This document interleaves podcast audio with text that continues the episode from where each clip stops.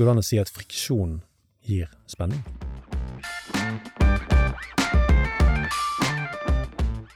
Når ting først har gått utforbi, og kanskje ikke gått så bra, så er jo det vanskelig å, å, å omstille seg. Ofte må jo du i dagens samfunn så har du ofte ikke en landsby i ryggen som kan hjelpe deg. Du, du må ofte samle deg selv og få til alt på egen hånd. Vi er jo the noble savage. Hvis du er bare savage, da får biologien styre deg. Ja. Men med en gang du putter inn disse filtrene som du må, bygger karakter, bygger verdier under livet ditt, da blir du noble. Så Mm. vi er the noble savage. Det er jo galskap med de mennene som prioriterer jobb så ekstremt Ja, ja. mye, og kan plutselig være, være der på dødsleiet og se at de har ikke gjort noe annet enn å prøve å, å få det selskapet opp og gå. Og hvis jeg ikke respekterer min egen tyngde, så blir jeg en lettvekter som går rundt og flyter litt sånn rundt i rommet. Mm. Og så kan folk bare liksom bompe borti deg som en ballong, og så forsvinner det bort i et hjørne og lander der. Mm. La verden merke vekten av den du er.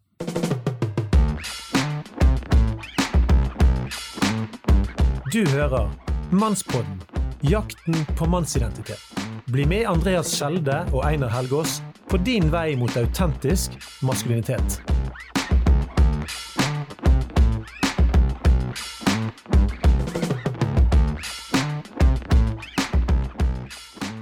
Velkommen til Mannsbåten, jakten på mannsidentitet. Dette er programleder Andrea Skjelde. Jeg sitter i studio på Holbergs plass sammen med Einar og emosjonspsykolog Marius Stavang. Hallo, folkens. Og Marius, hvordan går det egentlig med deg? Oi, godt uh, spørsmål. Det forventet jeg uh, ikke. At jeg måtte eh, Altså, berette du er jo psykolog og vant til å eh, stille 40 000 spørsmål til andre, så nå, nå må Oi. du få et spørsmål her. Oi, dette her Du er sitter i stolen. Jeg, eh, dette her er ikke jeg helt komfortabel med. Nei. Tenk på den. Nei, nei, jeg, eh, det går uh, greit. Jeg uh, var på jobbintervju i går mm. til en uh, doktorgrad. Oi. Ja, for jeg skal prøve å begynne å forske på uh, uh, singelliv-relaterte tema. Ja. Så det var, det var jo en stor, eh, en stor skummel og spennende, men også givende greie, som jeg tror gikk tålelig greit, da. Men da blir jo vi aldri kvitt deg, for du, snakker, du jobber bare med spennende ting som vi synes er bare, ingen, Dere kommer ikke til å bli kvitt meg, Det det for det kommer til å bli mye mer spennende hvis de Dere må nesten bare ringe inn og si at jeg ikke kan få den jobben, Ja. eh, holdt på å si, fordi at eh, da blir ikke dere kvitt meg. Så ja, nei øh, Ja. Men livet ellers er det sånn grei balanse, synes du? Uh, vet nok, vært litt for mye jobb i det siste. Mm. Så ikke sånn uh, work-life balance, ikke så godt uh, ivaretatt uh, den siste tida. Ja, for du har jo en lady du bor sammen med. Er det sånn at hun Ja. klager stadig vekk på at du sitter og prater og er så emosjonelt involvert med andre mennesker, men ikke har tid til henne? Uh, ja, faktisk. Oi sann! Ja, Busted! Hun viste meg faktisk en Det var- Aftenposten hadde en liten sånn eh, kortfilm av en, av en psykolog da som drev og jobbet med klienten sin og satt og hørte på de. Og så neglisjerte han sønnen sin helt, da, holdt på å si. Han, eh, han var sånn eh, ville ikke orke, Ble ikke med på fotballkampen hans eller noe sånt. Og så sa han 'Jeg må vise deg dette her'.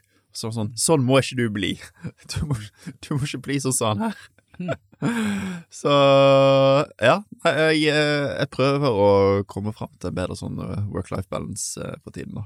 Men er det mye hjemmekontor? Eller har hørt mye hjemmekontor for dere eh, psykologer? Utrolig lite hjemmekontor eh, for oss, egentlig. Um, vi har, har jo kunnet hatt det åpent. Så sånn eh, jobbmessig så har vi nok kjent lite på den her eh, Pandemien? pandemien, altså. Mm. Det, jeg tror nok vi er en av de gruppene som er mindre berørt. Og folk synes jo det er fint å komme til psykologtimen, for da får du liksom Da får du gått ut og så treffe folk, på en måte, Ja, eller treffe en annen person. og sitte der Det eneste som kanskje påvirker, er at man må sitte eh, to meter eh, fra hverandre. Men eh, bortsett fra det, så tror jeg folk får en sånn, sånn der, normal følelse av å komme til oss nå. Så fint. Men en Ja. annen ting, altså covid har jo eh, altså, Det har vel ikke gjort det, den psykiske helsen til nordmenn bedre. Nei. Jeg har jo hørt at det, eh, altså, ventelistene til psykologer er liksom et halvt til ett år og sånt. Mm. Har dere opplevd noen sånn dobling på ventelistene som gjør at du til og med har måttet jobbe litt utover ettermiddagen?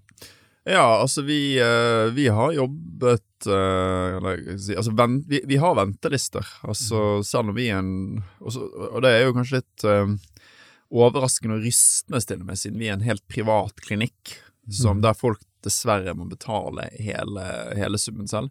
Og vi har jo, er jo helt fullbooket òg, og vi er jo Jeg tror vi er 30 psykologer eller noe sånt til sammen. omtrent. Så det er jo uh, Ja.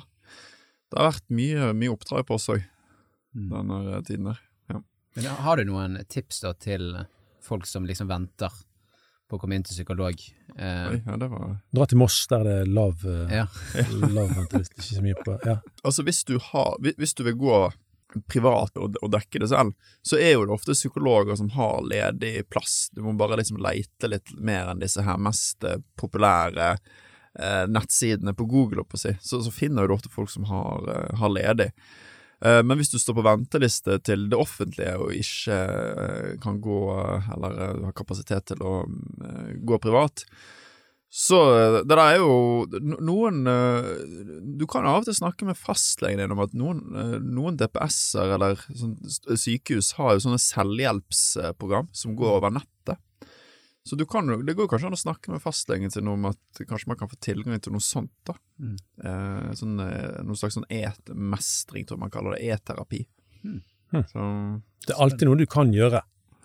det er jo alltid noe man, eh, for så vidt noe man kan gjøre. lese en god Det- bok, for eksempel, som eh, går på selvutvikling. Man kan alltid lære noe nytt om seg sjøl mens man står i en psykologkø. Mens man står i en kø, det er jo for så vidt sant. Det, nå er det veldig veldig vanskelig å lese når man er, har, har det stressa og stressende og kjipt, så men ehm, det er kanskje da det viktigste hvis du står i, eh, står i en kø, er jo å prøve å holde sånne her eh, livsstilsrelaterte ting i, i orden, og prøve å sove godt, ha god døgnrytme. Uh, spis sunt, prøve å være i aktivitet, da. Men ofte er jo det som nettopp er vanskeligere for folk, da, når de har det tungt. Men det er nok eh, Hvis man får det til, så er det veldig, veldig bra, i alle fall. da. Men ser du at det er mange som eh, sliter med at altså, når de sjøl har det tungt, så, så glemmer de å gå tur, de glemmer å jogge, eller de, de, de klarer ikke å få i gang den Ja. fysiske aktiviteten. Mens hadde de gjort det, så ville det vært så stor hjelp. Ja, det, det er nok ikke det at de glemmer det, men at de har altså Særlig ved depresjon, for eksempel, og så mister jo folk energi og tiltakskraften sin da, til, å, til å nettopp gjøre ting som er, vil være kanskje fint for dem. Så, så ofte så oppstår det en sånn ond spiral der du på en måte du blir dårlig, og så fordi du er dårlig, så klarer ikke du å være i aktivitet, og fordi du ikke har aktivitet, så blir du enda dårligere, og så blir det enda vanskeligere å være i aktivitet. Så nå er jo det så, akt, ikke sånn at aktivitet vil nødvendigvis gjøre folk helt frisk, men at det, det vil Det er jo en del studier som viser at det, det er hjelpsomt. Jeg må, jeg må komme med et personlig vitnesbyrd her. og Dette her er helt eh, sinnssykt opplegg. Altså. Ja. Altså, jeg har vært eh, jobbsyklist i Bergen i, eh, i 20 år, eller hele mitt yrkesaktive liv. Ja. Um, uh, og nå uh, var jo vi som familie i karantene i, i, i juletider, sånn to-tre uker. Um, og så ble det hjemmekontor i flere uker. Stå opp, spise frokost og sette seg ned med kjøkkenbordet og jobbe. Altså ingen sykkeltur. Ja. Pluss at jeg, eh, meg og familien var jo på, eh, og sto på, på skøyter oppe med Nubbevannet i Bergen, og der fikk jeg en brist i et ribbein, så jeg måtte roe ned og kunne bare gå noen små turer. Så skulle jeg begynne å sykle til jobben hin dagen. Å, fytti grisen hvor tungt det var å sykle hjem opp Kalfaret og opp, eh, opp Mm. Nattlandsveien der. Så jeg har egentlig basically vært i god form i 20 år, fordi jeg har Du har vært i syk god form, ja. Også, så, Det så, så jeg har ikke visst hva det vil si å være i dårlig form før nå. Og det er en helt forferdelig opplevelse. Så nå når jeg, har, jeg sykler med PC i bagen og alle klær og mat i to tjukke sykkelbager, og så skal jeg komme opp de der bratte bakkene. Så jeg, jeg, eh, jeg er på skikkelig historically low her nå, og, må jobbe meg opp igjen. Det blir eh, tøft. Men det er fint. Det er fint å føles litt dårlig av og til. Ja, det er bra. Kjenne litt på de følelsene. Men du, da eh, hopper vi faktisk eh, videre, Marius. Og da er det et spørsmål. Er du klar? Jeg eh, er vel det. Ja. At det er Han synes vi er litt tøffe i dag. Ja, det er Vi, vi har skremt han litt, Andreas. litt scary å få stilt et sånt Er du klar for spørsmålet? Ja, jeg får Ja. bare Ja, så det er tidlig. Det er derfor vi sikkert er litt mer rett på i dag. Men Marius, hvordan går det med den norske mannen? Det var et godt spørsmål. Et vanskelig spørsmål. Et stort uh, spørsmål. Um, jeg tror det er veldig, veldig forskjellig, rett og slett, hvordan det går uh, med den norske mannen. Altså, det er jo Eh, altså, noen menn går jo det veldig, veldig bra med, og noen menn går det middels bra med. Og så er jo det veldig mange menn òg som ikke har det så bra. Så det er jo, det er jo litt det der kanskje greia med å være mann, at noen menn dekker på en måte hele spekteret. Alt fra toppen til, til bunnen. Og sånn er det nok òg definitivt med den. Hva mente du med det? Noen mann. menn dekker hele spekteret? Ja, eller, eller menn, unnskyld, menn dekker jo generelt hele spekteret. oh, ja, på en sånn, måte ja. Fra, å liksom være helt på topp til å være helt på bunn. Men er det sånn at det er noen menn som på en måte gjør det unnskyld uttrykket, dritbra, liksom egentlig på Mm. alt, Har har damer, fet jobb, trener Mm.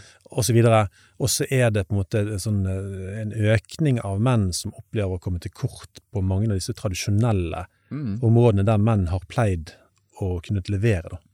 Ja, definitivt. Det, det er jo noen menn som gjør det ekstremt bra på de aller fleste, eller klarer seg godt på de aller fleste livsområder. Og så har du nok en økning i de som faller utenfor kanskje på de, på de fleste livsdomener òg, når det kommer til skole, utdanning, jobb, få en livsledsager, eh, det sosiale, aktivitetsmessige osv. Jeg tror nok det er en økning i de mennene, det ikke, de norske mennene, som, de, som ikke har det så, så enkelt òg, da.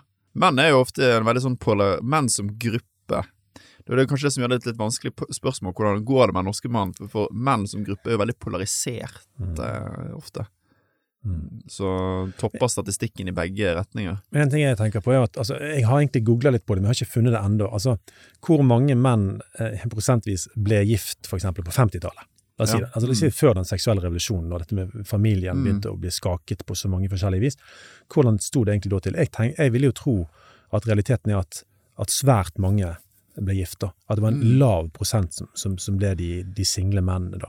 Mm. Mens det er jo nesten epidemisk. altså Det begynner å nærme seg epidemiske tilstander. sant? Mm. Eh, For eksempel der du ser eh, noe som jeg sikkert har nevnt før, at det finnes vestlige land der eh, antall single husstander eh, bikker over 50% av befolkningen. Mm. mm. Og jeg, jeg personlig ser jo ikke akkurat på det som et framgang for sivilisasjonen. Men, så har- men så har du det som er eh, tematikken vår her òg. Ja, men hva skjer da med de mennene? Sant? Mm. Gir de opp? Eh, hvordan bygger de seg opp igjen da, når de merker at heierne, jeg er 25 eller 30 eller 35, Mm. og jeg, jeg, jeg, jeg får ikke til å levere på disse klassiske områdene. Nei, nei, sant.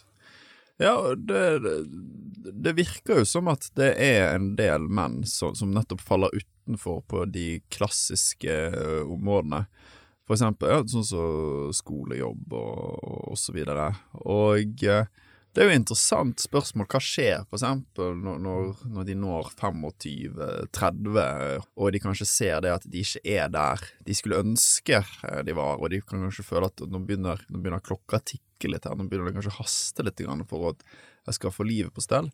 Jeg tror jo noen klarer det, men jeg tror jo en del sliter òg med å få livet på riktig, riktig kjøl igjen. Når- når ting først, først har gått utforbi, og kanskje ikke gått så bra, så er jo det vanskelig å, å, å omstille seg. Ofte må jo du i dagens samfunn så har du ofte ikke en landsby i ryggen som kan hjelpe deg. Du, du Mm. må ofte samle deg selv og få til alt på egen hånd. Og jeg ser jo at dere har jo hatt eh, episoder om Jordan Peterson før, og det er jo kanskje derfor Jordan Peterson er blitt så populær, at han gir på en måte en sånn en guide til, til mannen som har falt utenfor. Hvordan kan du klare å reise deg igjen?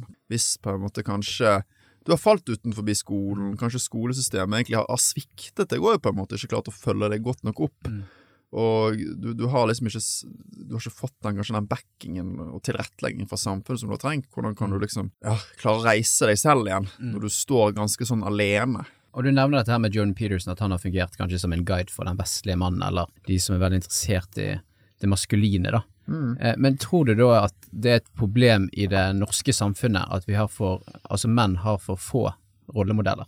Ja, det, det tror jeg jo. Jeg tror ikke menn har Det er jo mange rollemodeller der ute, men disse rollemodellene er jo kanskje ganske urealistiske. Altså sånn Du har jo nok av Aksel Lund Svindal. Ja. ja, ja, for eksempel. Altså, Vet du hva, jeg vil bare- si det. det, Ja. det, det nå, akkurat nå er det et ukeblad der eh, han og den selvfølgelig vakre kjæresten ja. eh, frampå, og så står det et eller annet om at eh, altså, Aksel leverer på alle områder, eller alt Ja. Aksel gjør er en suksess. Altså Det er faktisk det som står. Noe sånt. Ja, sant. Og, og- det der Ja, altså, han kan jo være en, en, en rollemodell, men vi vet jo det er forskningen at det bør ikke være for stor distanse mellom rollemodellen og den som den som ser på modellen. Det bør være en viss nærhet, og man bør kunne identifisere Ellers seg. ellers blir du demotivert fordi du ser at det er for stort uh, sprang opp. Ja, du, du har ikke tiltro til at du kan få til det. Og det er jo kanskje noe med at disse mennene som presenteres i media, at de er jo Altså, de, de, de er jo Supermann. Så det, det er nok nok av rollemodeller, men at de er kanskje ikke realistiske nok. da, Altså, Aksel Lund Svindal han, eh, han, eh, altså, han er jo skikjører. Det Ja, ja. det mannen egentlig kan. Ja, ja, ja. Men han spilte jo til og med inn en musikkvideo oppe i Alpene med, eh, med, med eh, skisko på. Det er til og med Michael Jackson-sang, tror jeg, som ble spilt inn. Og så Ja. blir til og med det bra, liksom, når han egentlig ikke kan det. Altså, Da, da, tenker da- da er du på toppen av hierarkiet. her, Altså. ja. Hvis du kan spille en musikkvideo i uh, slalåmsko og danse, det er Ja. Men, men når du sier at det ikke skal Vi går litt tilbake ned med rollemodell, og at det ikke skal være for lang distanse. Ser du for deg da at kanskje flere fedre, eldre brødre, kanskje må ja, gå inn liksom og rettlede yngre menn, og vice versa, eller hva? Ja, det tror jeg eh, Det tror jeg er inne på noe viktig, altså. Og eh, um, for eksempel dette med far, da. Mm. at far har mulighet til å være en god rollemodell, da. For der ja, Da gir jo kanskje far noe realistisk som eh, sønnen, da, i dette tilfellet, kanskje kan, kan strekke seg etter. Og det er jo kanskje sånn at menn er litt mer sånn Det blir jo bare spekulasjon fra min side, men at menn er mer responsive overfor rollemodeller enn hva kanskje jenter er, da. Det, det vet jeg ikke, men altså sånn Det tror jeg òg. det, det virker jo som det at eh, menn ofte etterspør rollemodeller. Det gjør jo òg damer, uh, så klart, men at kanskje det er mer for menn i noen ganger å hente på det, da. Ja, tenk, tenk på unge gutter som eh, Det er jo så mange gutter som holder på med fotball, og hvor mange av de har en springer rundt med en fotballskjorte som det står Messi bakpå. Ja, sant? Ja. Hvor, hvor mange jenter er det som er, springer rundt med kvinne en eller annen tysk stjerne Mm, eller et eller annet? Eh, Det har jeg aldri sett. Nei, nei, sant. Vi er veldig, Men veldig responsive på dette. dette. er glad i det òg. Du, altså, du, du ser jo kanskje òg at de, de mennene kommer til toppen i dag. Det, det virker jo òg som at eh, det nesten går litt sånn, sånn i arv òg. Litt sånn Mm. rollemodellmessig, hvis du tenker eh, han der eh, tennisspilleren vår Kasper Ruud? ja, Kasper Ruud, han har jo, hvis han ser forstått det, har jo han en far som òg var eh, proff og har mindre, liksom, mer eller mindre trent han hele livet. Har sikkert vært en god rollemodell, og han eh, fotballspilleren Haaland, han hadde vel òg eh, Det en trener. Han er eh, Ødegård. Faren hans var jo òg fotballtrener. Mm. Og fotballspiller òg. Fotballspiller. Så du, du Altså, de mennene som er liksom uh, på topp i dag, har jo hatt Kan jo tenkes å ha hatt veldig sterke rollemodeller òg, da. Og Dette gjelder òg det. sosioøkonomisk òg, med utdanning og Ja, det Det vil jeg tro at det kan, kan gjøre, ja. ja. Ja, absolutt. Altså næringslivsledere som har sønner som blir Mm. næringslivsledere. Ja, ja. Mm. ja. Men, men altså, hallo, eplet faller ikke langt fra stammen. Hallo, dette, dette er jo good old fashion stuff. Altså, det er jo, Mm. det er jo sånn det alltid har vært. Det sant? Altså, jeg tror det er det en far modellerer eh, for sine sønner, det er et slags, eh, et slags uh, usynlig stoff som bare diffunderer gjennom celleveggene til sønnen, rett og slett. Mm, mm. Eh, og, og, og, og der, det er det utrolig sterke mekanismer, da. Mm. Det, altså, og, og negativt og positivt. Sant? En far som er alkoholisert, eh, og som har gitt opp livet, eh, det går òg i arv. Sant? Mm. Med mindre sønnen finner en mulighet til å ta et oppgjør med det. Sant? Mm. Og det samme for den, den mannen som, eh, som oppnår suksess gjennom å være, ha selvtillit og Mm. ha bygget kompetanse på noen områder, som Mm. eksempel idrett eller næringslivet, eh, og gi det videre. Jeg skulle, jeg skulle bare si at liksom, når samfunnet beveger seg mot å bli så, såpass individualistisk, så blir jo kanskje den farsfiguren og rollemodellen desto mer, desto viktigere òg, i og med at man ikke har lenger den, eh, den landsbygda som kan eh, være med å oppdra en. Så blir kanskje ja, eh, pappaen eh, viktigere rollemodell sånn sett òg, da. Jeg har jo sagt det før uh, i podden her, men, uh, men Arne Danne, som var politiinspektør i en av de store svenske byene, sa tidlig på 90-tallet at det som mangler i den vestlige verden, det er at fedre gir videre maskulinitet til sine barn. Jeg husker ikke nøyaktig hvordan han formulerte men, men det handlet om at, at, at menn måtte reise seg, fedre måtte reise seg, sånn at den unge generasjonen uh, har noe å, å, å følge Ikke sant? Og jeg har lyst til å nevne eh, Det er en, nydelig forfatter som heter John Tyson, som har skrevet en bok som heter eh, The Intentional Father. Um, og, og han snakker om fem forskjellige fedretyper. La meg nevne bare to nå. Mm. Og jeg syns de er veldig veldig interessante i forhold til vår kultur. Det ene er the involved father, den involverte faren. Og så har du Mm. the intentional father, den intensjonelle faren. Mm. Og jeg tror vi har veldig mange norske fedre som er involverte. Ja. Og det er den moderne mannen i likestillingssamfunnet som Mm. kjører til fotballkamper, som eh, handler mat, Mm. og som snakker med ungene sine, gir ungene klem. Ja, uttrykker mye, mye sånn kjærlighet og på Ja, måte og, Han er rett og slett involvert. Han er involvert. ja. Han er ikke en Mm. fjern far, sånn som den klassiske faren som Mm. jobbet altfor mye, min far og andre Mm. sine fedre som jobbet altfor mye, og som var dermed en distant farsfigur, Mm. og som kanskje hadde veldig lite å komme med på det emosjonelle, sant? Mm. på det å gi kjærlighet, sant? bortsett fra penger og, og disse rammene med forsørgerrollen. Sant? Mm.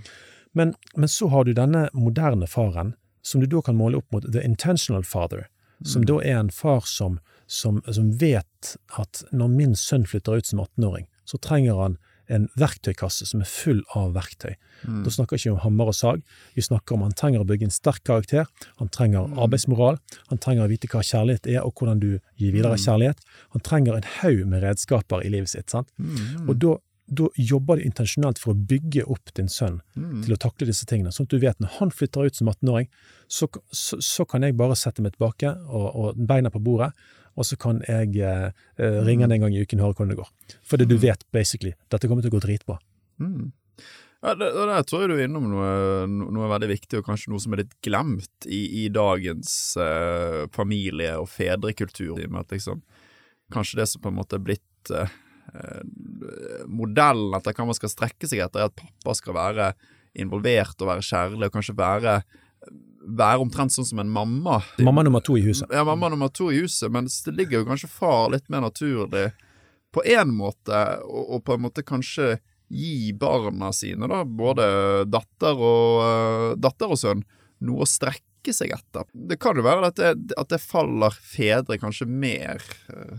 Naturlig. Ja, Ja, altså, det, det, det er kanskje noe i den farsrollen her som som er litt glemt. Ja. Nå syns jeg husker noe fra John Tyson, han er fra Australia. Eh, han, jeg tror han sier det at eh, en av mannens roller er å tilrettelegge barnets skjebne. Mm. Mm. Eh, mens mor fyller jo Hjelper meg så mye en mor fyller et barns liv med, som er så grunnleggende og så verdifullt. Ja. Men at mannen som har dette målrettede blikket i forhold til hva skal bli av framtiden Ikke det at moren ikke skal ha noe med det å gjøre, det er ikke det vi prøver å si, altså, det er ikke sånn svart-hvitt-opplegg. Mm. Men at jeg tror mannen, når han kjenner at det jeg investerer i mitt barn nå, det vil ha langtidskonsekvenser, kanskje evige konsekvenser, eh, eh, for samfunnet vi bygger. Det tror jeg kan trigge mannens på en måte grunnleggende interesse for å bygge et samfunn da, Mm. i, inne i familiesettingen. For hvis alt handler om å passe på at det ikke er altfor mye støv rundt på plantene, at de må tørkes av, og plantene må ha vann, og litt forskjellige sånne koseting Altså, jeg bare tror ikke du nødvendigvis eh, trigger mannens grunnleggende natur, eh, sånn at den kommer i full blomst. Men det tror jeg den gjør. Og du tenker at jeg skal investere i mine barn, så de kan stå et liv Mm. i arbeidsliv, eh, i familieliv, trofast, eh, fjellstø. Det rocker da, tror jeg. Ja, du kan jo tenke deg at uh, altså, mors- og farsrollen blir jo ganske utfyllende da, i den sammenhengen, hvis vi, se, hvis vi skal bare ta det litt sånn grovt og kategorisk. Her vil det selvfølgelig være stor overlapp, men hvis mor det gir masse kjærlighet, sånn at barnet får trygghet og, og, og det der, og så kan, hvis far da på en måte tar seg av på en måte dette her med med litt sånn, kanskje litt mer sånn positivt press, noe å strekke seg etter. Ja, ja, eh, og det kan jo være det at altså, sånn, kan det være at dette faller skjønnet litt mer naturlig, en ordning som på en måte peker litt i retning av det, fordi at når damer går med det, får det veld, veldig biologiske båndet til, til barna sine, så er jo det noen mødre som kanskje blir stiller litt for få uh, forventninger til, til, til sine barn, fordi at det kan oppleves lite kjærlig, mens pappa kanskje har litt mer sånn at, det det kanskje er litt enklere for han, han da, i og med at ikke han har gått kanskje med den her eh, ja, fått den eh, oksytocin-dosen ved, ved fødselen så videre. Det her blir jo bare selvfølgelig veldig spekulativt ja. og kategorisk, men kanskje det er en litt i, i dette her, da. Verden er jo mye vanskeligere og komplisert med det. Eh, Bare en liten kommentar før du slipper til, Andreas. Altså, altså eh, det du, Jeg syns du forteller at mor gir ubetinget kjærlighet, Ja. og det skal far òg gjøre. Jeg pleier å si at uh, en far skal elske sitt barn med 90 u- ubetinget kjærlighet. Uh, jeg elsker deg, men så er det det at jeg er stolt av deg. Det skal mor òg selvfølgelig si. Jeg er stolt av deg. Det er mer sånn 10 Mm. fordi du ikke skal, skal, skal basere det for mye på prestasjon. Men jeg bare tror at uh, jeg tror at mannen vil, vil, vil kjenne at den investeringen han vil gjøre, Mm. ja, blir mer motivert når han sier at jeg kan da investere i denne skjebnen. Ja, ja, ja. Mm. Men, men som du nevner, eller som vi har snakket om, så er liksom fedre er jo involvert i livene til barna eh, i dagens samfunn. Men hva er det som gjør at fedre i dag, og fedre, altså min, min generasjon eh, sine fedre, da, ikke ga dette her videre, da? Dette her, her er maskuline, den her er trygghet, det her om at du skal bygge Mm. karakter, og Mm. hva, hva tror dere er det som gjør at Kan jo være litt det der eh, med at, at, i dette likestillingsprosjektet, som jo var uh, fantastisk viktig, at Ja, ja. man kanskje mistet noe av den på en måte mannsrollen oppi der. Da, at uh, far skulle bli sånn som mor, på en måte, og at det var veldig viktig i et likestillingsprosjekt, men at man òg kanskje mistet noe av uh, Noe av det kanskje mor og far liker å bidra litt ulikt inn med. Kan jo være at det er noe i, i, i det, da. Klart at du, eh, du tenker at eh, hvis du da, eh, mannen som løven, altså Ja. eh, hvis du sliper klørne og kapper tennene, er det en spennende løve? Er det en Ja. løve som damen vil ha? Er det en som da Mm. eh, eh, altså, løfter hodet Mm. i sin familie og, og peker ut en vei eh, for ungene sine? Altså klart at eh, Mm. Vi hadde jo en, en, en feminist i studio, eh, jeg vet ikke når den episoden blir plassert ennå, men som, som, eh, som eh, selv om hun var feminist, når jeg spurte henne hva er det beste en mann kan gi i verden, så snakket hun om kraft. Mm, mm, mm, Og hvis likestillingsprosjektet har tatt kraften fra mannen, mm, da vil jo kanskje den mannen være fornøyd med at han klarer å støvsuge stuen og mm, gå på jobb og tjene noen penger og være en snill pappa som gir en klem. mm. Det er helt fint, men med kraft så vil du sant? Du, vil, du vil dra på og, tenke, Mm. og løfte blikk og se forbi. Det har menn alltid gjort. De har sett forbi ikke bare én ås, men forbi tre fjell. Kanskje de måtte ri i en hel dag for å få tak i noe salt som de kunne få til Mm. maten. Sant? Og kanskje det var farlig. Sant? Altså, menn har alltid sett langt fram, Mm. og det tror jeg, det tror jeg vi, skal, vi skal gjøre med frimodighet. Ja, ja, sant, og det kan jo være at man har, har Jeg har opp gjennom de siste årene at eh, man har mistet litt det synet der, og at Ser for meg at en del fedre eh, kan kanskje være litt sånn forvirra òg på hva, hva er det egentlig det vil si å være far, og tenker at han skal være far sånn som en mor er mor. Det kan være at, ja, at, at noen fedre kanskje er, noe for, er forvirra over hva det ja. det vil si? Det er kjipt med syltetøy på alle skivene. Altså, det er litt greit med litt variasjon på det. Altså, nå tenker jeg at at barna trenger uh, ulik kost. Du trenger mors Mm. kost, og du trenger fars kost. Ja. Mm. Jeg trenger, nå skal jeg ikke prøve å si at det ene er grovbrød og det andre er loff, det er ikke det jeg mener. Men, men, men Poenget er altså jeg, Mitt kjerneord i forhold til likestilling det er jo utfylling.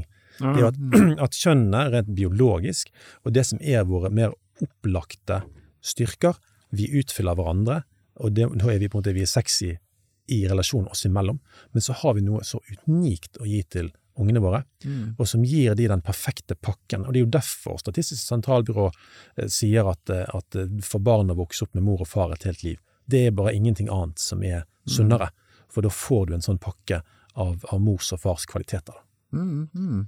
Ja, altså, mm. Og jeg, men da har vi snakket en del om det, så tenker jeg det er greit å gi kanskje noen praktiske tips, da, hvis dere har det til noen fedre der ute som kanskje sliter litt med, eller de er litt forvirret i sin rolle, og ønsker kanskje å gi barna sine noe innenfor det maskuline, da, om dere har noen konkrete Ja, godt spørsmål. Hvis jeg bare kunne tilføye én ting til, for det virker jo som at altså, Dette vet jo ikke jeg noe sånn statistisk, men det virker som at det er liksom noe sånn anekdotisk på det at i, i, i, i familier med skilte foreldre, der kan, kanskje mor har eneansvaret, hun gir masse, masse kjærlighet til barna, og det er jo det veldig godt for de å motta, men at de likevel kan komme ut, komme på kjøret, for at ikke de har kanskje fått nok retning samtidig. som da kanskje en pappa òg kunne vært med, med å gi, sånn at ikke mor trenger å gi alt, da. Ja, er Så- det, men det er forskning som viser, eller er det Nei, det, det er jo mer Det er jo mer sånn Jeg synes å høre om sånne Jo, altså, dette- tilfeller. Selv ved mye kjærlighet, så Mm. kan du òg komme på kjøret.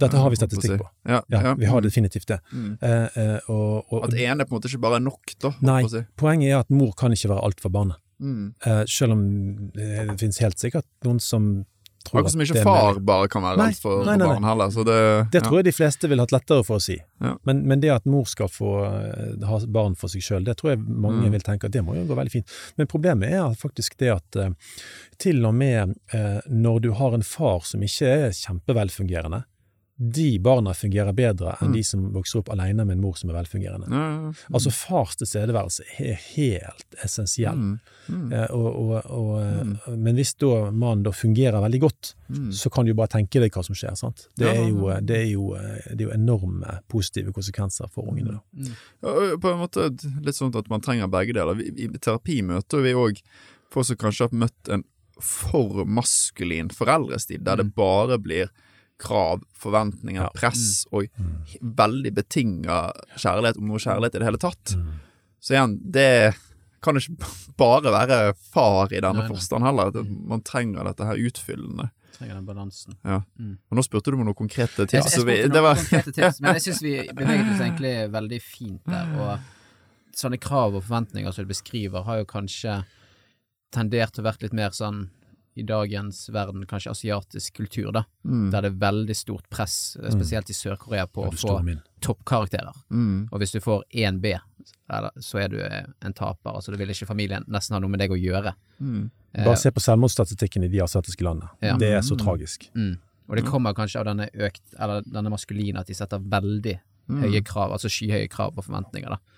Ja, sant. Det, det er jo et godt bilde på hvordan det kan være hvis det går for mye i den retningen. Det blir, altså du må, du må strekke deg etter noe som er oppnåelig, og så er eneste utvei og omtrent eh, Eller den eneste utveien folk ser for å komme seg ut av dette presset, er å avslutte livet. Mm. Det er jo ikke er jo helt, Det er jo ikke veien, men mens her er jo det kanskje litt, litt det motsatte som skjer, at uten forventninger så blir menn da særlig så retningsløse at de Oh, det er så godt sagt. Ja, at de faller ut av skolen, faller ut av det ene og faller ut av det andre. Ja, kanskje liksom vår kultur og, og asiatisk kultur har gått i hver sin retning, og ja, begge tingene leder til kraftheftig Det utenforskap. er det det. Så, ja. Mm. Det er der jeg tror for eksempel Jordan Peterson sitt budskap om ansvar Mm. Altså, Hvordan i all verden er det mulig at en, kandidat, kan, en kanadisk professor plutselig blir sett av millioner, og Mm. elsket av millioner? Det er jo fordi at, eh, at eh, om det er Trump eller Clinton som vinner valget, altså det redder ikke livet til en gutt som sitter hjemme hos mor. Mm. For, det, for eksempel i USA er det jo ekstremt mange som eh, vokser opp uten far nå. Mm. Det er Hver fjerde husholdning, eh, der er det ikke en far. Eh, hvis det ikke var mer. Mm. Men poenget er at du, du, du eh, Når du skjønner at jeg må feie for min egen dør, jeg må ta ansvar i mitt liv, hvis ikke kan jeg rett og slett ikke forvente eh, at samfunnet skal bare komme og pakke opp under armene mine, Mm. puter opp under armene mine, sånn at jeg skal få til livet mitt. Altså, du må faktisk Altså, du skal mestre ditt eget liv, Mm. og du må ta ansvar. Det tror jeg er, er helt essensielt. Men jeg har lyst til å si i forhold til eh, For jeg tror det spørsmålet du kom med, André, så jeg tror vi må behandle det òg i andre episoder. Ja. For jeg kjenner det så svært, og det, dette er et av Mm. mine kjerne, kjernetemaer, altså. Um, så jeg føler det er, litt, det er litt mye å si om det. Men det er et sitat av eh, John Eldridge, som er en av verdens eh, ledende når det gjelder mannsidentitet, som sier 'la verden merke vekten av den du er'. Og det er et budskap han gir til menn. Eh, verden er full av falskspillere. De vil ta fra deg kraften. Men den kraften er din, og det er et bytte du skal etterjage, som, som, som du er på gulljakt. Så skal du få tak i den kraften. Eh, la meg ta et eksempel eh, som er fra, fra, fra hjemmet vårt. da. Eh, eh, vi var jo på TV i går, Andreas, og da, da nevnte dette. Altså, mi- min kone er veldig god på estetikk eh, og interiør. Det fins enkelte damer som er det. Eh, Men jeg er jo estetiker sjøl, jeg er kunstner, jeg er artist, og jeg liker å ta bilder, og jeg òg er egentlig interessert i, i det. Men, eh, men hennes veldig store interesse for dette har jeg på en måte latt Jeg har latt henne på en måte dominere størstedelen av huset. Men så er det én ting jeg har kjent at det må jeg ha. Jeg må ha en stor bildevegg med masse sånne der eh, store bilder av eventyr i familien vi har gjort og sånne ting. Og så sa jeg til noen at ja, men jeg skal ha en vegg, sa jeg. Jeg skal ha en vegg til de bildene. Og så visste jeg at ja, men det vil ikke hun like, det blir, oi, det er for voldsomt, det skal henge kun to bilder der, og så skal det være litt avstand sånn, og så skal det henge et stearinlys imellom. Men så sa jeg, men det skal jeg ha. Eh, og vi har en vegg med liksom 30 sånne store bilder på en vegg. Fordi det, det skulle jeg Hvorfor i verden skulle hun få hele huset? Mm, mm, Det er klart at der, der, der bruker jo jeg vekten av meg Mm, sjøl som mm. mann, og sier at ja, Et annet eksempel, nå kommer jeg på det. Når vi ser film, og, og vi ser mye på, eh, på en litt sånn gøye serier om dagen, vi trenger å slappe litt av, eh, livet skjer mye i livet. Og da eh, ønsker hun at, taklyset skal være på, mens Mm. jeg vil egentlig ha sånn filmstemning med nesten alle lyset av, kanskje kun noen stearinlys som blafrer litt oppi en, en hylle der. mm.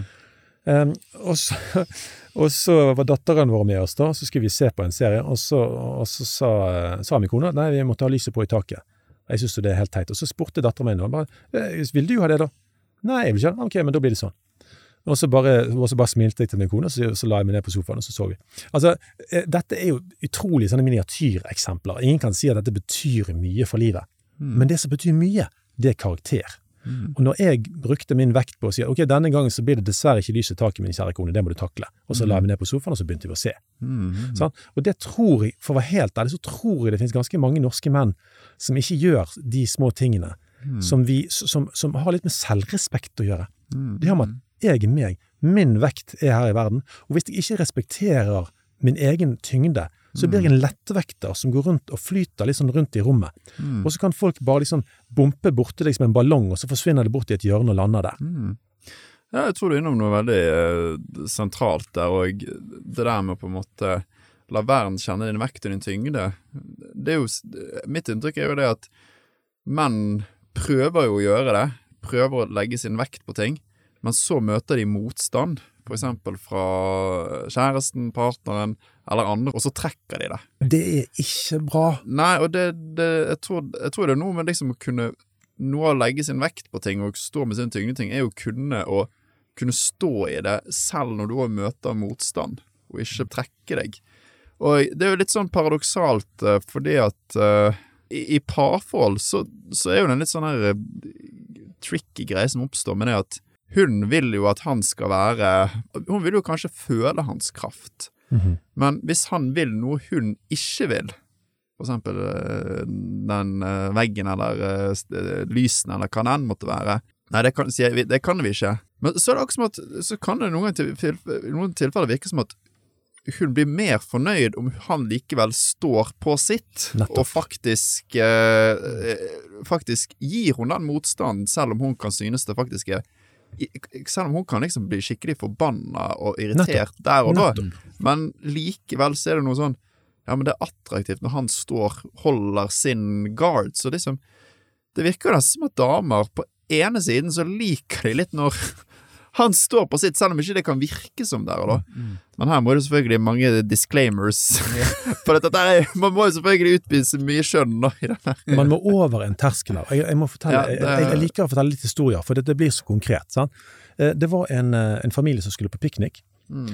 Eh, Han kjørte bilen, og kona i familien var nok ikke i det beste humøret den dagen.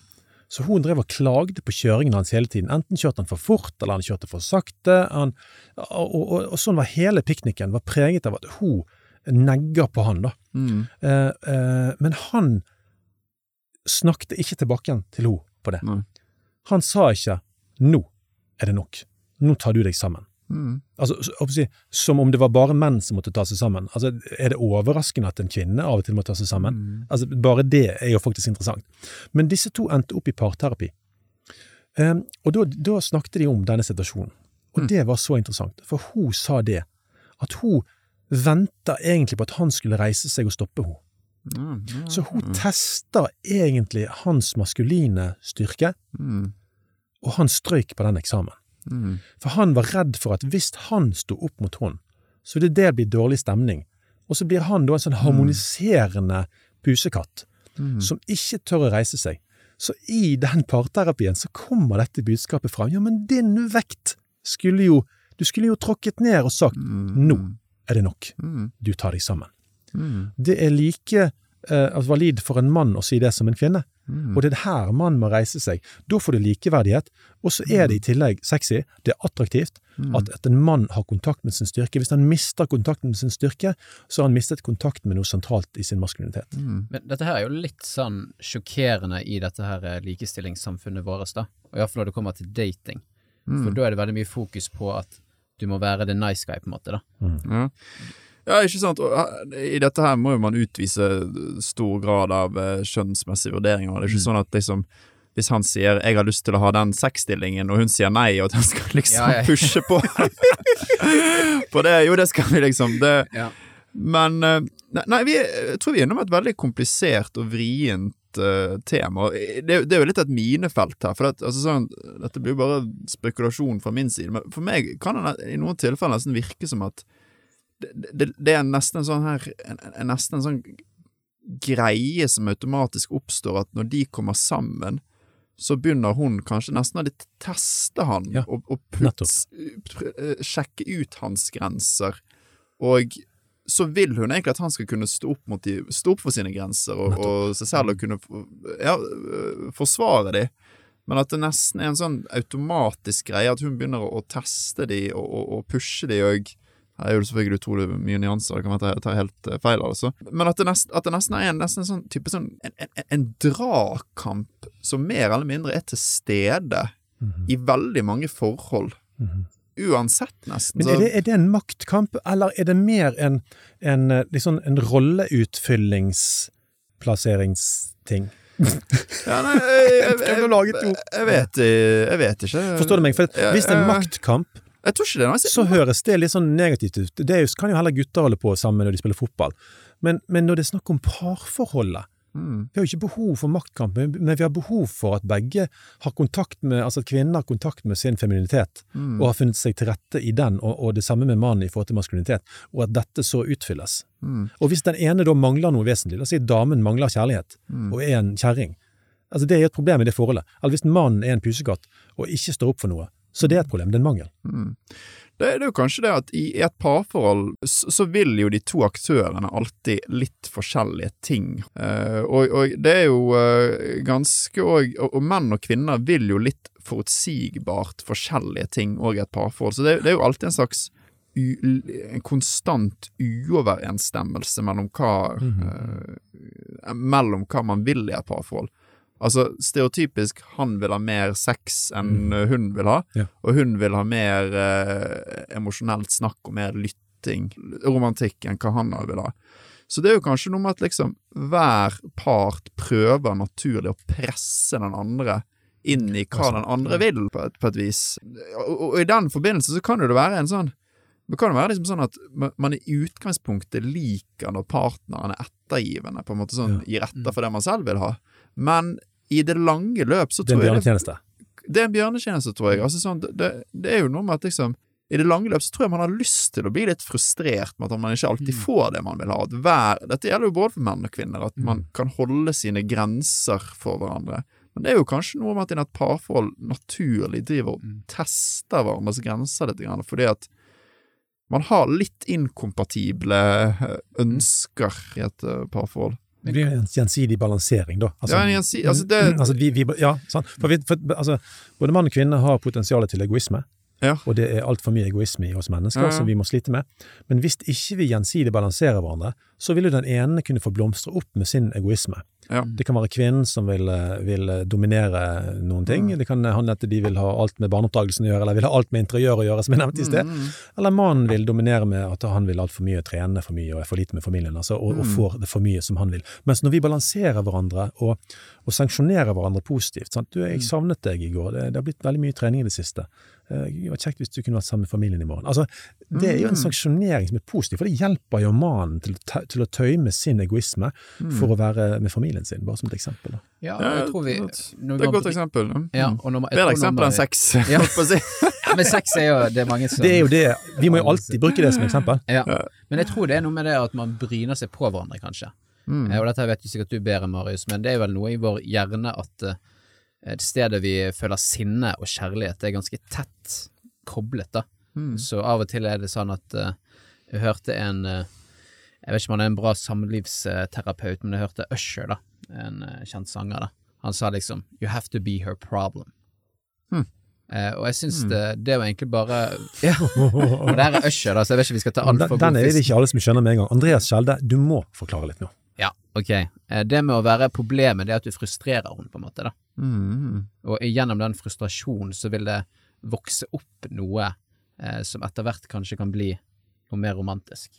Mm. For du, du vekker noe i henne, på en måte. For hvis hun er frustrert over deg, så er det akkurat som hun har lyst til å kjempe litt imot deg, ikke sant? Mm. Og da blir hun mer og mer investert i deg.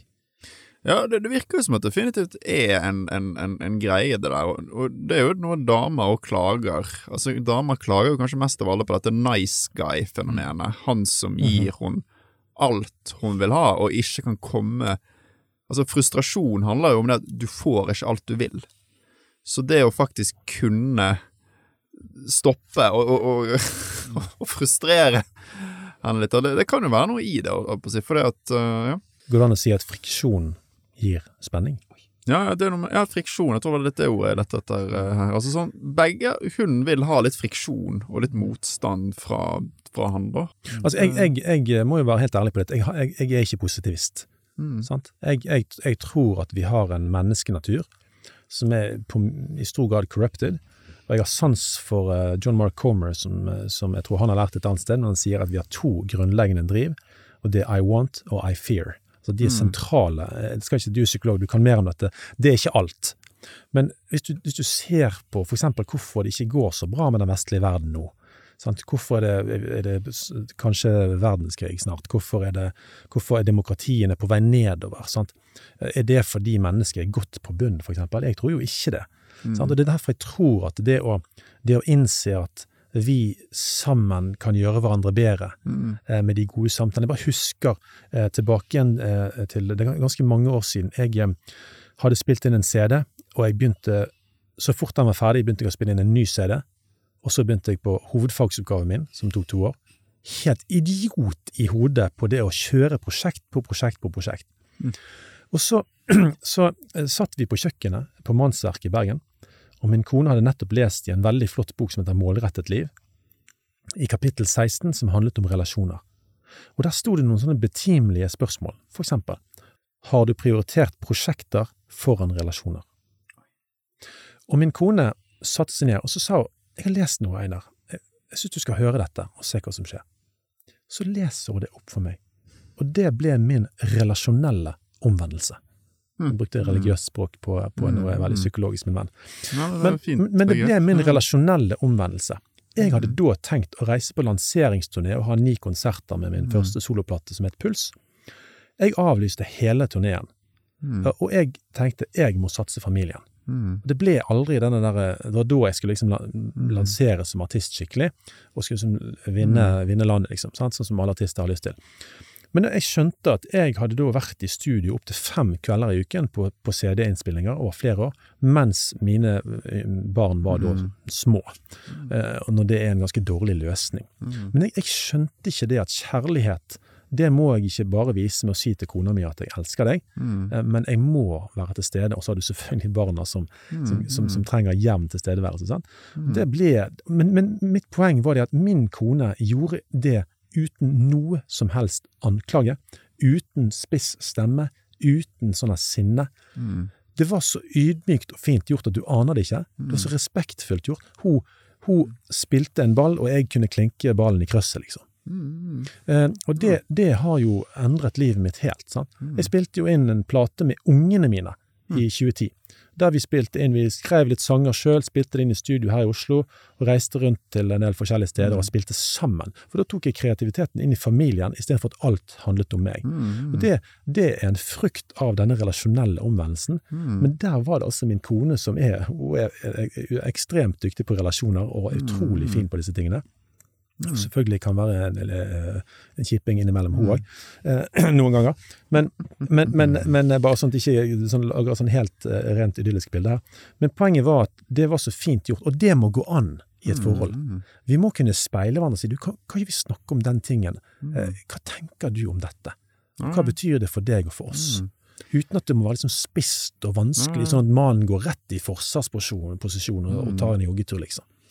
Ja, ikke sant, og eh, jeg tenker du illustrerer veldig mange fine og viktige ting i det du, du sier der. Altså, måten hun på en måte sa, sa ifra til deg på, eh, uten en sånn, uten noen anklage eller eh, noen ting som ja, ga deg denne omvendelsen, så det var et fint begrep på det.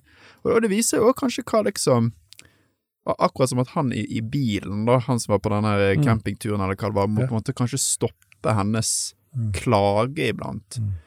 Eh, så kan jo det være, jeg har lurt på det, da, om menn, om menn i parforhold kan ha, kanskje ha for mye fokus på sin egen sånn individualistiske selvrealisering Yes. og sin Mm. selvekspansjon. Mm. Det er jo kanskje det som ligger i det med den fraværende faren, den pappaen som alltid er ute på businessreise, Ja. eller hva enn, holdt på å si. At, at menn, det kan jo være at menn har en sånn tilbøyelighet i å liksom bli for individualistiske og, Mm. og realiserende på, sin egen, på sine egne vegne, Jeg tror det. og trenger da å høre òg fra, fra damer på en måte sånn du, vi er her, og vi òg familie, nå må du vende blikket mot familien din. Og hun sa jo det Din kone sa det på en veldig veldig fin måte. Mye finere enn hva jeg fikk til. Men at det, det, det kanskje eh, det, det er ikke bare menn som må kanskje sette grenser for sin, eh, for sin partner, men at kvinner å kunne gjøre det for sin, sin mann. Og det, det er viktig for denne balansen, for at ikke man skal liksom For at, for at noen skal bli overkjørt. Men igjen, og det, det kommer vise jo at her kan vi jo være noe inkompatible. Uh, og at vi trenger Vi kan ville ting som er litt inkompatibelt, og at vi trenger på en måte å dra hverandre litt, litt grann inn. Det er alltid en friksjon. Kan du forklare det litt mer? Hva, hva legger du i det? Nei, altså, hvis du tenker Hvis du tenker sånn helt kjønnsstereotypisk eh, på dette, og så tenker litt sånn svart-hvitt på det, så har jo eh, kanskje mannen, viser mannen ofte en sånn tendens til å ville være mer individualistisk og gå og gjøre sin egen greie, ekspandere ut der utenfor familien, mens hun kanskje vil da, grovt sagt, ha mer den tryggheten, at man skal prioritere familien og så eh, være mer, mer sammen. Og det, det der vil jo være noe inkompatibelt. Man kan jo kanskje ikke bli uh, en, en superstjerne over uh, verden samtidig som man òg er en flott familiefar som er hjemme hver eh, lørdag og søndag, men at man liksom må der, der må man kunne liksom dra hverandre litt inn, på en måte. Dette blir jo veldig lite Det er jo selvfølgelig stort overlapp. I parterapi så hører jo jeg òg menn som på en måte klager på at damer ikke er nok eh, hjemme og så videre, og på en måte prioriterer han nok. Så her er det store skjønnsmessig overlapp, men at kanskje det er en, en dragkamp som pleier å oppstå i, i parforhold. da. Det klassiske bildet er jo mannen som utbryteren og erobreren. sant? Han Ja. skal ut, og som jeg sa, det er alltid noen fjell han skal over og Ja. lenger bort og eh, spille inn flere CD-er, eller Ja, eh, ja, starte det er- flere firmaer og tjene mer penger, og så Og da blir fraværende, på en måte. Det, blir fraværende, det kommer jo et, et sted, dette med den fraværende pappaen. Men det er betimelig og viktig å stille det spørsmålet. Du, eh, har du tenkt på hvorfor du skal tjene så mye penger, egentlig? Ja. Altså, vi har bil, vi har hus eh, Vi savnet deg på tacoen nå tre fredager på rad. Det var faktisk et eller annet Det var så mye som skjedde i livet mitt nå eh, en eller annen gang før jul. Og vi har eh, Fredagstakene har blitt veldig sånn eh, Det, det er den hellige stunden i, i familien hver uke, da. Og min mor kommer, og, og min sønn med kjæresten kommer, og, og det er liksom en sånn ro som senker seg etter at alle har bondet på rundt hele uken. Mens jeg tror jeg gikk glipp av tre på rad Mm. med denne, denne fredagstacoen. da. Eh, og og, og det, det kjentes bare ikke veldig bra, altså. Mm. Eh, og, og det var ikke bare de som kjente det, for de sa 'hvor er pappa', liksom. sant? Og, og jeg kjente det sjøl òg. Heian, jeg er ikke der nå. sant? Mm. Og jeg, jeg mener at man skal ikke tø- temme mannen så heftig at han alltid er i familien enhver fredag og søndag osv. når familien har viktige samlinger. Det, det tenker jeg, Man skal ikke temme mannen. Det er noe Og hun noe- vil heller ikke like en helt temt mann. Nei, sant, for, men, altså, ok, nå er jeg i Oslo her med dere, og vi har opplevd noe spennende, så kan jeg komme tilbake til min familie. Ja, hva opplevde du i Oslo, pappa? Mm. Det er en fin ting. Det er bra at pappa er ute og bygger samfunn og er på eventyr. Men han skal ikke være det for mye, og han kan komme tilbake og fortelle noe deilig, noe spennende, som også er modellerende for familien. sant? Jeg står i en kjønnskamp nå som er ganske heftig. Det debatteres tungt i Norge rundt dette. Mine barn følger det, og de vet at pappa stikker hodet sitt fram i en betent sak. Eh, og, og de støtter meg, eh, og, og, de syns det er spennende. Hva skjer, pappa? Men jeg kunne jo igjen vært den som var flink til å støvsuge huset og holdt meg bare hjemme hele tiden. Eh, og, og det var ikke noen feil i det, men jeg tenker det, vi skal ikke holde igjen mannens styrke og kraft i å bygge samfunn og de tingene, i tillegg til å være i familien og være Mm. solide. Men jeg tenker vi må jo kanskje litt innom dette her at uh, nå bare generaliserer vi, da. Men at mannen hele tiden må realisere seg. Sant? Han må tjene mer penger. Han må liksom, mm. altså du nevner, Einar, bli landsdekkende artist. Hva tror du det her kommer av? ja, sant. Hva tror du det kommer av, Marius? At mannen, da? Eh, Nei, syns jo det, det er jo veldig interessant uh, tema. Og det har vært interessant å se på noe statistikk her, altså på faktisk hvor mange menn som, som har det behovet for å realisere seg selv, kanskje være der ute. Altså for noen menn Mange menn vil jo, har, jo ikke, har jo ikke det så sterkt. Det er et godt poeng, altså. Ja, så det var interessant å se, se litt sånn på forskjeller i, i dette her. Men men det kan jo virke som at det er en kjønnsforskjell her. At, at, at, der snakker jo Jordan Peterson òg om at det er jo galskap med de mennene som prioriterer jobb så ekstremt Ja, ja. mye, og kan plutselig være, være der på dødsleiet og se at de har ikke gjort noe annet enn å prøve å, å få det selskapet opp og gå. Det virker jo som at menn havner oftere i den båsen der. Jobber 60-timersuker. Ja. Det, det, det er jo vanskelig å si hva dette her kommer av. Det kan jo være en sånn sosialiseringsgreie, at det, det er forventninger eh, til mannen osv.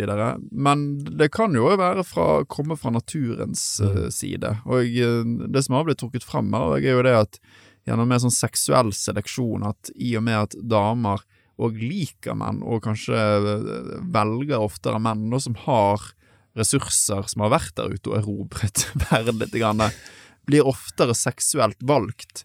Så at det på en måte ligger At det har framavla i mannens natur å ville på en måte få mer status, være mer statusorientert. Det er jo noen som mener òg det at eh, det, det der dra ut og eh, ekspandere kommer, kommer fra mer seksuell seleksjon, da.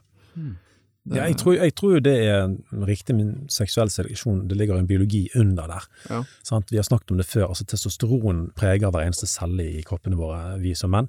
Sant? Og det er noe som gjør oss mer konkurrerende. Mm. Det gjør oss mer erobrende. Det, det gjør oss initiativrike. Uh, og, og selvfølgelig vi er forskjellige, men det er et grunntrekk hos menn, selv om det er forskjeller hos menn. Mm, mm, mm. Uh, og og det, det fører til at vi vil naturlig trekke på for å gjøre de tingene. Mm. Men jeg tenker, det er jo verdier som styrer livene våre. Det er jo ikke biologien, eller biologien skal fall ikke styre livene våre. Dag Olav Hesten var og sa at du kan ikke gå fra et biologisk er til et moralsk bør, nødvendigvis. Mm, Altså at, at, for eksempel kropp, at kroppen din vil ha sex, betyr ikke at du nødvendigvis skal det. Ja, mm. Eh, Det er Eh, stor Men sant, at du har et, et drive på konkurranse og erobre verden, betyr ikke at du skal lage fem firmaer, liksom. Nei, nei, nei. Eh, eh, vi, vi var i, eh, med familien for noen år siden og besøkte Hearst Castle. Mm. Randolph Hearst eh, eide 91 selskaper og, eh, og Mm. bygde et sinnssykt slott i USA. Jeg er litt usikker på hvordan han hadde det med familien, men, men, men, men altså, du må ikke la, lage 91 selskaper og bli en av verdens rikeste menn hvis eh, du blir relasjonelt eh, fattig. Mm, Eh, et ekteskap går dukken, barn har ikke kontakt med deg. Mm, Eh, altså, sånn, det er jo så utrolig store tap du får hvis du ikke klarer å regulere det. Men det er jo verdiene som kan regulere livsførselen din. Mm. Altså Apropos min relasjonelle omvendelse, så har jo det hjulpet meg til å prioritere relasjoner på en sånn måte at, at, at jeg, i alle fall mindre enn før, da, går på sånne blundere der jeg Steik, altså, nå, mm. nå ofret jeg familien for det prosjektet. Mm, Fordi jeg, jeg, har det med altså, at relasjoner er en høy prioritet. mm, Det er en verdi som styrer meg. Men hvis du ikke har verdier, men lar de styre faktisk av disse biologiske grunnmekanismene på konkurranse og erobre verden, mm. da tror jeg mannen faller lettere. Ja, helt klart. Er helt med på den analysen her, altså. Jeg syns Jordan Peterson kommer fint inn, for han, han viser jo til at for de fleste menn så er jo det galskap, egentlig, å kun prioritere konkurranse og status, og at det gir for de aller, aller fleste ikke et, ikke et rikt liv heller, selv om det er det som kan være kanskje instinkten ens uh, sier. Da bør man definitivt ikke eh, Bør man definitivt ha verdier som tar han fra ær er til bør. Det kan bli et bedrag, rett og slett. Du blir bedratt av din egen natur. Ja. Og Det, så- og det gjør vi hele ja. tiden. Og liksom, jeg eh, Gjør vi? Nei, søren heller! Det var utrolig Ja, det var at det Det at vi sitter og drikker eh, kaffe her nå, er jo kanskje å bli litt rusa på koffein. Det er jo, eh, er jo naturen som kanskje bedrar oss litt. Men altså, et godt eksempel eh, dette, når, jeg i, når jeg var med i debatten, som var et eksempel, jeg har lyst til å komme der, da. Vi var, diskuterte dette her med markedsverdi og utseende, at utseende virker å ha en del å si når man dater, da. Altså, en ting er jo at ja, det kan være sånn, men det er jo ikke sikkert det bør være sånn. Det er ikke sånn at vi, det bør være sånn at vi lar, inst, lar liksom dette instinktet vårt, at, vi, at det er pene, at vi trekkes mot det. Det er jo ikke sånn at vi bør la oss styre av det. Et sånt bilde jeg liker, det er det at selv om vi er programmert til å like ting som er søtt og salt og fett, så betyr ikke at det hele kostholdet vårt skal bestå av eh, hamburger, chips og brus. Vi, vi bør la verdier og andre prinsipper komme inn og, og, og la og, og, og, og styre oss, da. Og overstyre noen drifter i oss, da. Hvis man gjør det, så kan man kanskje skape bedre samfunn òg. Ja, det er bedre samfunn og bedre nuclear family. Vi er jo the noble savage. Ja. Det er en sosialantropologisk uh, term. Eh, Ja. Vi er liksom den, eh, den noble eh, den noble villmannen. Altså, hvis Ja, du er bare ja, savage, da får biologien styre deg. Ja, ja, ja. Men med en gang du putter inn disse filtrene, som Ja. du må, bygger karakter, ja, ja. bygger verdier under livet ditt, da blir du noble. Så vi er the noble savage. Mm. Jeg tror vi slutter der, jeg. Det var en veldig fin avslutning. Ja. og hvis du likte det du hørte, del Mannsbåten med fem andre menn du mener vil ha glede av den. Hva med de damene, da? Altså, Ja, skal vi, skal vi inkludere de òg? hva tror du, Marius? Tror du, Marius, tror du damer har godt av å høre dette stoffet her? Jeg eh, vet Jo, ja Altså, tror jo det. Jeg tror jo det damer kan ha, ha nytte av å, å forstå menn bedre, akkurat som vi kan ha bedre nytte av å forstå de eh, bedre. Så ja, jeg tror det. Da, da kjører vi. Del den òg med, hvis du er kvinne som hører på, del den med fem andre kvinner. Marius garanti. eh, bli med i Facebook-gruppen vår, Mannspodden. Der kommer det ut sitater, og etter hvert vil det komme ut mer og mer informasjon. Eh, følg oss gjerne på Instagram. Der heter vi Mannspodden. På Apple Podcaster kan du skrive oss eh, en liten review og gi oss noen stjerner, så enda flere får høre dette. Og nå er det jo selvfølgelig helt naturlig for oss å takke for oss på vietnamesisk. Tam bien! Hvem skal fri hunden ut av tårnet? Ja, hvem skal stormen slå Mens du venter på neste episode, del gjerne Mannsbåten med fem andre menn, så de kan koble seg på jakten på mannsidentitet i en kjønnsnøytral tid. Hvis du ønsker å lære enda mer om denne tematikken, følg Mannsbåten på sosiale medier. Vi snakkes.